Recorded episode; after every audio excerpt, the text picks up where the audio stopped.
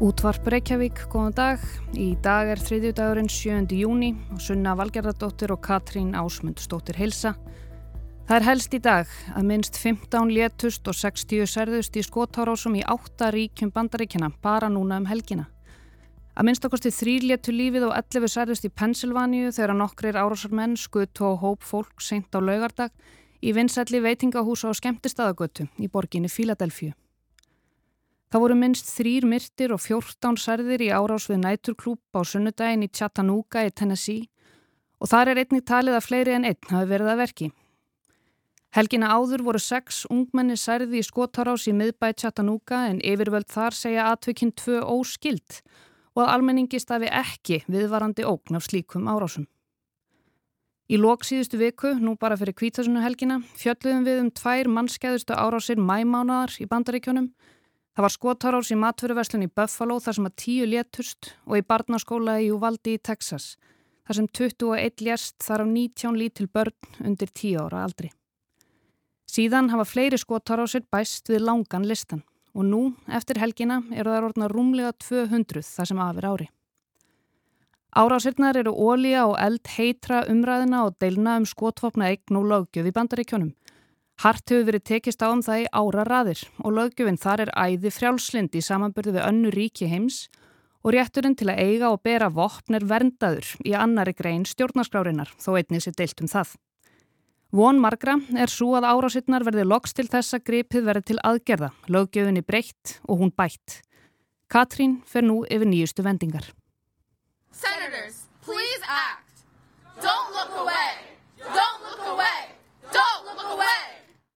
Um helgina fór fram fjöldi mótmæla víða í bandaríkjunum, kalla var eftir betri og strángari skotvopnalögjöf þar í landi og meðal annars komu samtökin Wear Orange eða Klæðist Appelsínugulu saman víða um land til að minnast fornalampa skotarása, ástvinna sinna og opna á umræðu um óttan og ógnina sem bissu eign og bissu ofbeldi er í mörgum samfélögum þar í landi eða eins og nokkrir mótmælenda og aktivista orðuðu það. We hear gunshots every day. Uh, we're dodging bullets. The black and Latino communities live in constant fear. And us, students, have to live with the fear of getting shot every single day. That is a very big problem and it affects every child in this country. We should not have to crawl and hide under our desks and tables. We should not have to worry if we're going to make it out of school alive that day. Við heyrum skotkvelli og reynum að forðast bissukúlur á hverjum degi, sagði meðlimur samtakana Wear Orange. Samfélag svartra og rómanskra búa við stöðuan óta og við nefendur þurfum að lifa við þann óta að verða fyrir skotárás á hverjum degi. Þetta er risastórt vandamál sem hefur áhrif á hvert einasta barn í þessu landi, sagði Calvin Dark, aktivisti og skólastjóri. Við ættum ekki þurfa að skrýða á gólfinu og fél okkur á bakvið skrifborðið að undir skólaborðum. Við ættum ekki að þurfa að hafa áhyggjur af því hvort við komumst levandi í gegnum skóladaginn, sagði Ati Ósadolor á mótmælum nefnda í Washingtonum helgina.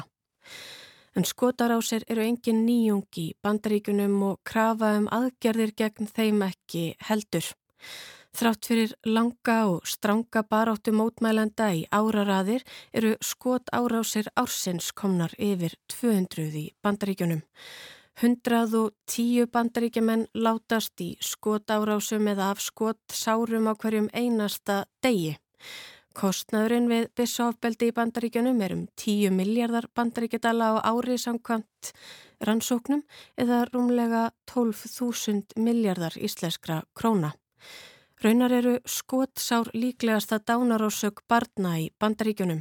Samkvæmt rannsókn New England Journal of Medicine letust rúmlega 4300 börn þar í landi af skotárásum árið 2020.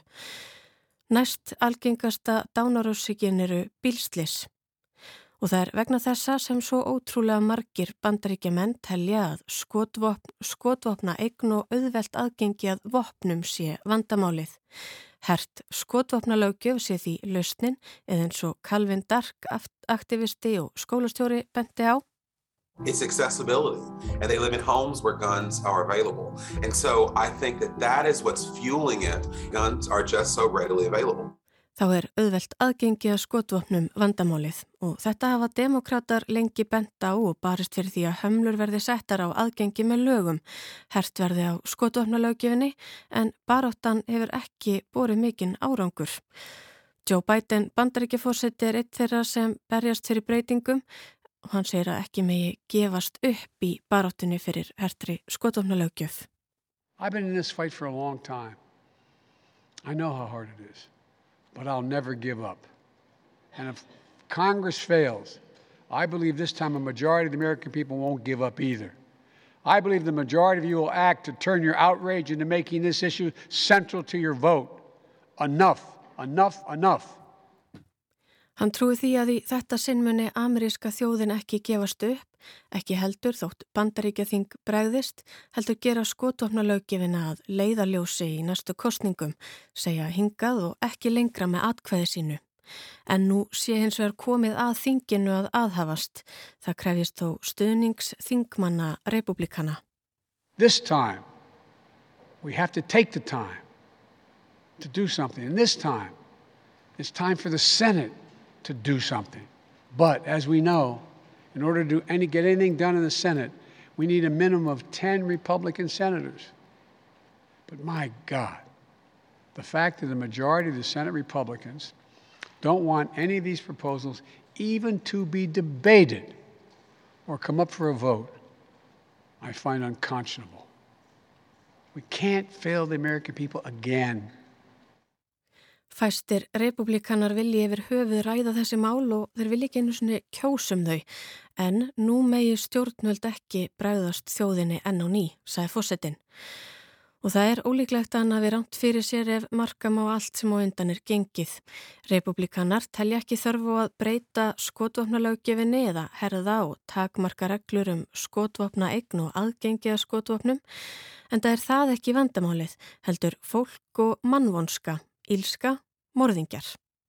Þessi orð enduróma aftur og aftur úr ótrúlegustu áttum meðal annars úr munni fyrirhandi bandrækjafósetta Donald Trump á ársfundi NRA, hagsmunasamtaka Bissu-eigenda sem haldin var í Houston í Texas aðeins þremur dögum eftir árásina í Uvalde let hann þau ummæli falla að ílsku mannana væri um það að kenna að skotárásir væri framdar í bandaríkjunum, ekki skotvopnin sjálf eða laugin sem um þau gilda og raunar væri það ílska mannana í sjálfu sér ástæði fyrir því að leifa bissögn.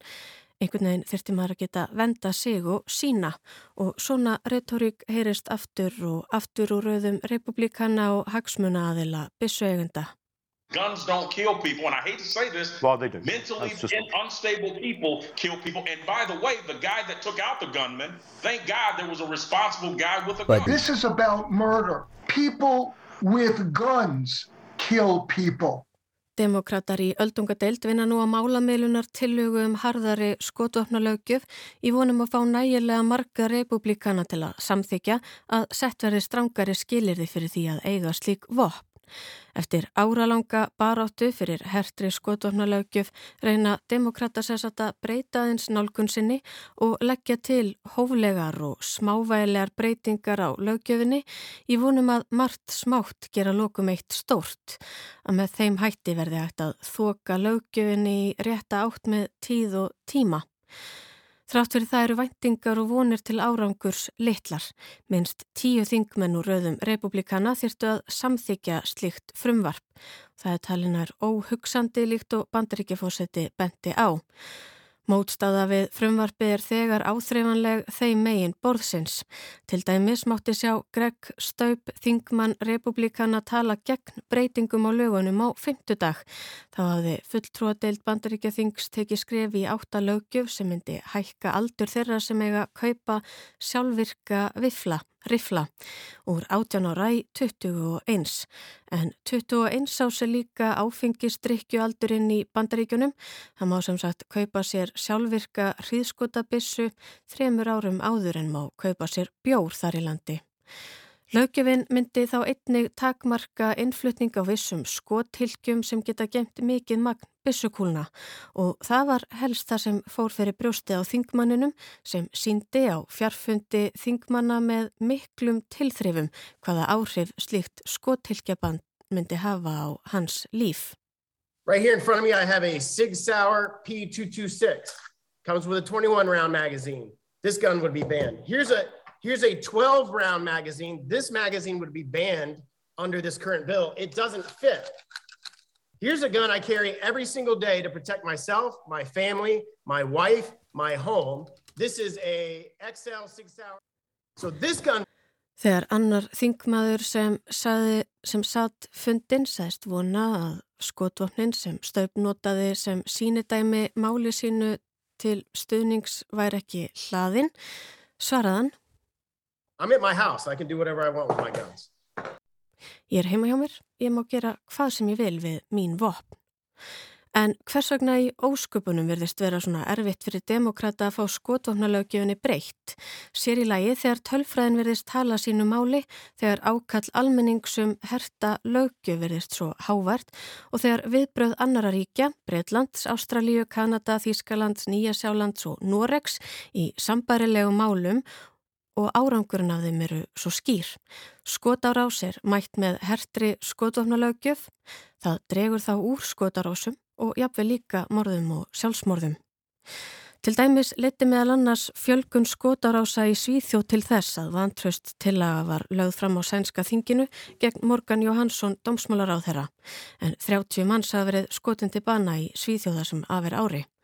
Tillagan sem var feld núna rétt fyrir hádegi var feld með minsta mun en einungis munnaði einu atkvæði á að Jóhansson er þið settur af og það hefði hugsanlega geta leitt til fals ríkistjórnarinnar.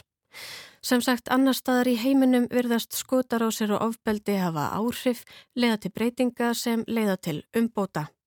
Leiðam á líkur á því að menningin, pólitíkin, lobbyismi og sterkur vopnaðinaðurinn standi fyrir vegi í slíku í bandaríkunum. En nú gæti það breyst. Eða eins og Chris Murphy, þingmaður og eitt þeirra sem vinnur að breytingatillugu á skotvopnalaugjöfunni sagði á mótmælafundi um helgina. The gun industry, the status quo, it's powerful. But we're powerful too, aren't we? Right?